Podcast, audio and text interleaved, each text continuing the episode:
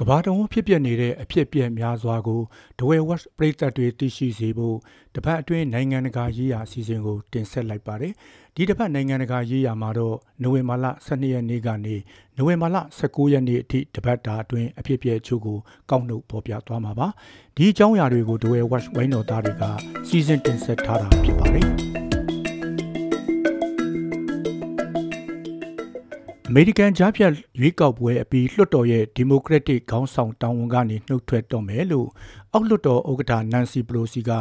နိုဝင်ဘာလ18ရက်မှာပြောပါတယ်။ကြားဖြတ်ရွေးကောက်ပွဲမှာ Republican ပါတီဝင်တွေကလွှတ်တော်တွင်လူများစုနေရာကိုအနိုင်ရခဲ့ပါတယ်။ပလိုစီဟာအောက်လွှတ်တော်မှာဆန်ဖရန်စစ္စကိုကိုစားပြုပြီးဆက်ရှိနေမယ်လို့ပြောခဲ့ပါတယ်။ Republican တွေဟာပြီးခဲ့တဲ့သတင်းပတ်ကလွှတ်တော်ရွေးကောက်ပွဲတွေအပြီးမှာအောက်လွှတ်တော်ကိုထိန်းချုပ်နိုင်မယ်လို့ခန့်မှန်းထားကြတာပါ။ Democrat ပါတီဝင်တွေကတော့အထက်လွှတ်တော်ကိုဆက်လက်ထိန်းချုပ်ထားပါတယ်။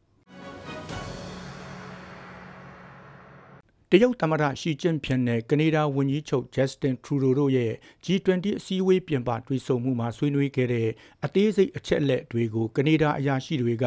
မီဒီယာကိုပြောကြားခဲ့လို့တရုတ်သမ္မတကပြစ်တင်ဝေဖန်လိုက်ပါတယ်။ဆွေးနွေးခဲ့တာတွေမီဒီယာစီမှာပေါက်ကြားခဲ့တယ်လေဒါမျိုးလောက်တာကတော့မတစ်တော်ပါဘူးပြီးတော့ဒါဟာဆွေးနွေးမှုတွေစတင်တစ်တဲ့ပုံစံမဟုတ်ပါဘူးလို့တရုတ်သမ္မတကဘာသာပြန်ကနေတစ်စစ်ကနေဒါဝန်ကြီးချုပ်ကိုပြောကြားခဲ့ပါတယ်။ ကျွန်တော်တို့ကနေဒါမှာတော့လွတ်လပ်ပွင့်လင်းတဲ့ဆွေးနွေးမှုမျိုးကိုသာယုံကြည်ကြလို့ဒီတိုင်းပဲဆက်လက်ကျင့်သုံးသွားမှာပါအပြုသဘောဆောင်တဲ့ပူးပေါင်းဆောင်ရွက်မှုတွေကိုဆက်လက်လှုပ်ဆောင်သွားမယ်ဒါပေမဲ့သဘောထားမတိုက်ဆိုင်တဲ့ကိစ္စတွေတော့ဆက်ရှိနေအောင်မှာပါလို့ထရူဒိုကရှီအားပြန်ပြောခဲ့ပါတယ်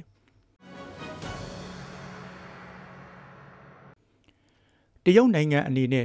2022ကမ္ဘာဖလားခြေစစ်ပွဲကိုမအောင်မြင်လို့ ပြိုင်ပွဲနဲ့လွဲချော်ခဲ့ရပြီးမဲ့နိုင်ငံရဲ့စီးပွားရေးလုပ်ငန်းတွေမှာတော့ကမ္ဘာဖလားမှာအရင်စိုက်ထုတ်မှုအများဆုံးစပွန်ဆာတွေဖြစ်လာခဲ့ပါတယ်။တရုတ်စပွန်ဆာတွေဟာနိုဝင်ဘာလ20ရက်နေ့ကနေဒီဇင်ဘာလ18ရက်နေ့ထိကျင်းပမဲ့ကမ္ဘာဖလားအတွက်ကန်ဒေါ်လာ1.395ဘီလီယံကိုသုံးစွဲခဲ့တာပါ။ဒါဟာ1.1ဘီလီယံသာသုံးစွဲခဲ့တဲ့အမေရိကန်ကုမ္ပဏီတွေကိုကျော်လွန်သွားခဲ့တယ်လို့လန်ဒန်အခြေစိုက်အချက်လက်စီစစ်ရေးကုမ္ပဏီဖြစ်တဲ့ Global Data ကနေဖော်ပြထားပါတယ်။ကမ္ဘာဖလားမှာပါဝင်တဲ့တရုတ်စပွန်ဆာတွေကတော့ Wanda အုပ်စု Vivo, Manion နှုတ်ထွက်ပစ္စည်းနဲ့ Handset စတဲ့ကုမ္ပဏီတို့ပါဝင်ထားကြပါတယ်။တရုတ်ကုမ္ပဏီကြီးတွေက Coca-Cola, McDonald နဲ့ Budweiser စတဲ့နာမည်ကြီးအမေရိကန်ကုမ္ပဏီတွေထက်ငွေကုန်ကြီးကြခံကအရင်းနှီးစိုက်ထုတ်ခဲ့ပါတယ်။ NASA ရဲ့ Artemis တစ်ဒုံးမြန်ဟာဤပညာဆိုင်ရာပြင်ဆင်မှုတွေနဲ့ဟာရီကိန်းမုန်တိုင်းနှစ်ခုကနေနှောက်ယှက်လို့လွတ်တင်ဖို့နှောင့်နှေးခဲ့ပြီးတဲ့နောက်နိုဝင်ဘာလ16ရက်နေ့ပိုင်းမှာတော့ဖလော်ရီဒါကနေလာစီတို့အောင်မြင်စွာလွတ်တင်နိုင်ခဲ့တယ်လို့သိရပါတယ်။ Artemis တစ်ဟာလဘော်ကို25ရက်ခွဲကြာခရီးနဲ့တွားရောက်မှာဖြစ်ပြီးကဘာမြေပေါ်သို့ပြန်လည်ဆင်းသက်မှာပါ။ရင်ပေါ်မှာအာကာသရင်မှုတွေအစားလူပုံစံအယုတ်တွေနဲ့စနူပီအယုတ်တို့ကို ဓာတ်ရောင်ချီတိုင်းတာဖို့နဲ့လူသားတွေအတွက်ဒီဇိုင်းထုတ်ထားတဲ့အသက်ကယ်စနစ်တွေစက်ကရိယာအသစ်တွေကိုစမ်းသပ်ဖို့ထည့်သွင်းလိုက်ပါတယ်။ Artemis 1 mission ရဲ့အောင်မြင်မှုကတော့ကဘာကနေလကိုအာကာသယာဉ်မှုတွေနဲ့အတူတင်ဆောင်သွားမဲ့ Artemis 2နဲ့3လွှတ်တင်မှုအတွက်အရေးကြီးတယ်လို့သိရပါတယ်။ 2024ခုနှစ်အမေရိကန်သမ္မတရွေးကောက်ပွဲမှာသမ္မတအဖြစ်ပြန်လည်ရွေးချယ်ခံဖို့ဝင်ရောက်ရှင်ပြိုင်မယ်လို့သမ္မတဟောင်းဒေါ်နယ်ထရက်ကကြေညာလိုက်ပါတယ်။ဖလော်ရီဒါပြည်နယ်ဖန်ဘစ်မှာရှိတဲ့မာရလာကိုအပန်းဖြေစံအိမ်မှာယာနဲ့ချီတဲ့ထောက်ခံသူတွေကိုနိုဝင်ဘာလ15ရက်နေ့ကမိကွန်းပြောကြားရမှာကြီးညာခဲ့တာပါ။လာပေါင်းများစွာတိုင်အောင်သူ့ရဲ့နောက်ပြောင်ပြောဆိုနေတာတွေကိုတရားဝင်အတီးပြုလိုက်တာဖြစ်ပါတယ်။ G20 ထိပ်သီးအစည်းအဝေးကိုအင်ဒိုနီးရှားနိုင်ငံဘာလီကျွန်းမှာအင်ရှင်ဖြစ်လက်ခံကျင်းပခဲ့ပြီးလက်ရှိဖြစ်ပွားနေတဲ့စစ်ပွဲတွေအဆုံးသတ်ဖို့ဝိုင်းဝန်းဆောင်ရွက်ကြရန်အင်ရှင်သမ္မတဂျိုကိုဝီဒိုဒိုကတောင်းဆိုလိုက်ပါတယ်။အစည်းအဝေးကိုအင်ရှင်ဖြစ်လက်ခံကျင်းပရလို့မိမိတို့နိုင်ငံအတွက်အထူးဂုဏ်ယူမိတယ်လို့ဝီဒိုဒိုကနိုဝင်ဘာလ15ရက်နေ့မှာပြောကြားထားပါတယ်။ ခုလိုအခန်းတစ်ခုထဲမှာတူတူထိုင်နိုင်ဖို့ကြီးမားတဲ့အားထုတ်မှုတွေလိုအပ်တယ်ဆိုတာနားလည်ပါတယ်လို့တကယ်ပိတ်ဆွေးနွေးပွဲတွေမစတင်မီသူကပြောကြားခဲ့ပါသေးတယ်။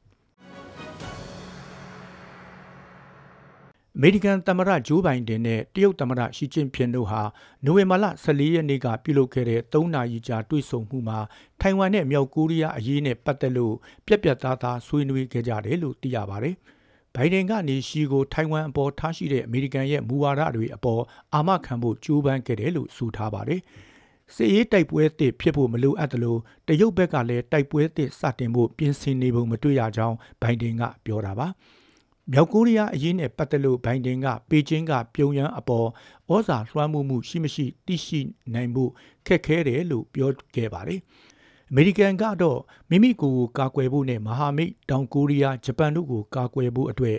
လိုအပ်တဲ့ကိစ္စမှန်သမျှလှုပ်ဆောင်မှာဖြစ်ပြီးဒီလှုပ်ဆောင်မှုတွေကနေမကြာခဏထိတ်တိုက်ရင်ဆိုင်ရပွဲရှိတယ်လို့လည်းဘိုင်ဒန်ကနေရှီကိုပြောခဲ့ပါတယ်။တက္ကဆက်ပြည်နယ်မှာကျင်းပခဲ့တဲ့ဒုတိယကမ္ဘာစစ်အထိမ်းအမှတ်လေကြောင်းပြပွဲမှာ ခေဟောင်းစစ်လေရင်နှစ်စင်းပြန်တန်းနေချိန်တိုက်မိကြပြီးမြေပြင်ပေါ်သို့ပြက်ကျခဲ့လို့လူ6ဦးတေဆုံးခဲ့တယ်လို့တာဝန်ရှိသူတွေကနိုဝင်ဘာလ23ရက်မှာပြောကြားခဲ့ပါတယ်။တိုက်မိခဲ့တဲ့လေရင်နှစ်စင်းကတော့ Boeing B-19 Flying Fortress နဲ့ Bell B-63 King Cobra လေရင်အသီးတစ်စင်းတို့ဖြစ်ကြပါတယ်။ B18 မှာပုံမှန်ဆိုရင်အဖွဲ့ဝင်၄ဦး9ဦးအထိပါဝင်လေးရှိပြီး P63 မှာတော့လေရင်မှုတဦးကသာမောင်းနှင်ရတယ်လို့ဂုံပြူလေတပ်ရဲ့အမှုဆောင်အရာရှိချုပ်ကပြောကြားပါတယ်။လေရင်တွေကလက်ကျယူထားတဲ့အတွေ့အကြုံရှိစေတနာဝန်ထမ်းတွေဖြစ်ကြသလိုအငိမ့်စားယူထားတဲ့စစ်ဘက်လေရင်မှုတွေလည်းမကြာခဏပါဝင်လေးရှိတယ်လို့သူကဆိုပါတယ်။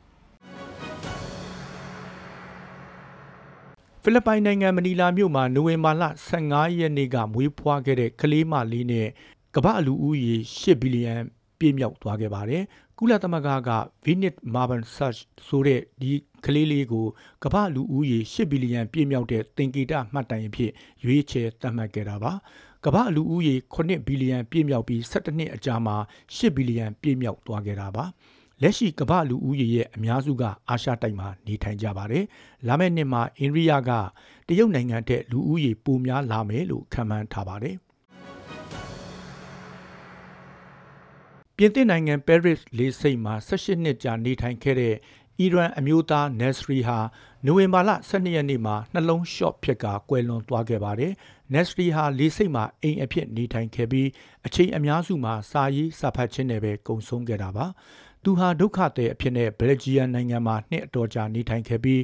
ဗြိတိန်နိုင်ငံကိုလာချိန်မှာသူ့ရဲ့လက်ဆွဲအိတ်ခိုးယူခံခဲ့ရပြီးပြည်ဝင်ခွင့်စာရွက်စာတမ်းတွေမရှိလို့ဗြိတိန်နယ်သာလန်ဂျာမနီနိုင်ငံတွေကသူ့ကိုပြည်ဝင်ခွင့်မပေးခဲ့ပါဘူးအဲ့ဒီနောက်ပဲရစ်မြို့ကိုရောက်လာခဲ့ပြီးပဲရစ်လေဆိပ်ရဲ့တာမီနယ်မှာနှစ်ပေါင်းများစွာနေထိုင်ခဲ့တာပါ သူ့အကြောင်းကိုနိုင်ငံတကာမီဒီယာတွေကတတိထားမိခဲ့ပြီးတဲ့နောက်မှာသူ့ဘဝအကြောင်းကို The Terminal ဇာတ်ကားအဖြစ်ပုံဖော်ရိုက်ကူးခဲ့လို့ Twan Hut ပါဝင်တရုတ်ဆောင်ခဲ့တဲ့ဒီရုပ်ရှင်ကို2004ခုနှစ်ကထွက်ရှိခဲ့ပါတယ်။ ပရိသတ်ပေါင်းတို့စေရောကိုပါကျမ်းမာချမ်းသာကြပါစေကြောင်းနဲ့ကပ်ပြီးအမျိုးမျိုးကနေအမြန်ဆုံးလွတ်မြောက်ကြပါစေကြောင်းဒဝဲဝက်ဝိုင်းတော်သားတွေကစုမုံကောင်းတောင်းအပ်ပါတယ်။နောက်အပတ်မှာလည်းနိုင်ငံတကာရေးရာအစီအစဉ်ကိုစောင့်မျှော်အားပေးကြပါအောင်ခင်ဗျာ။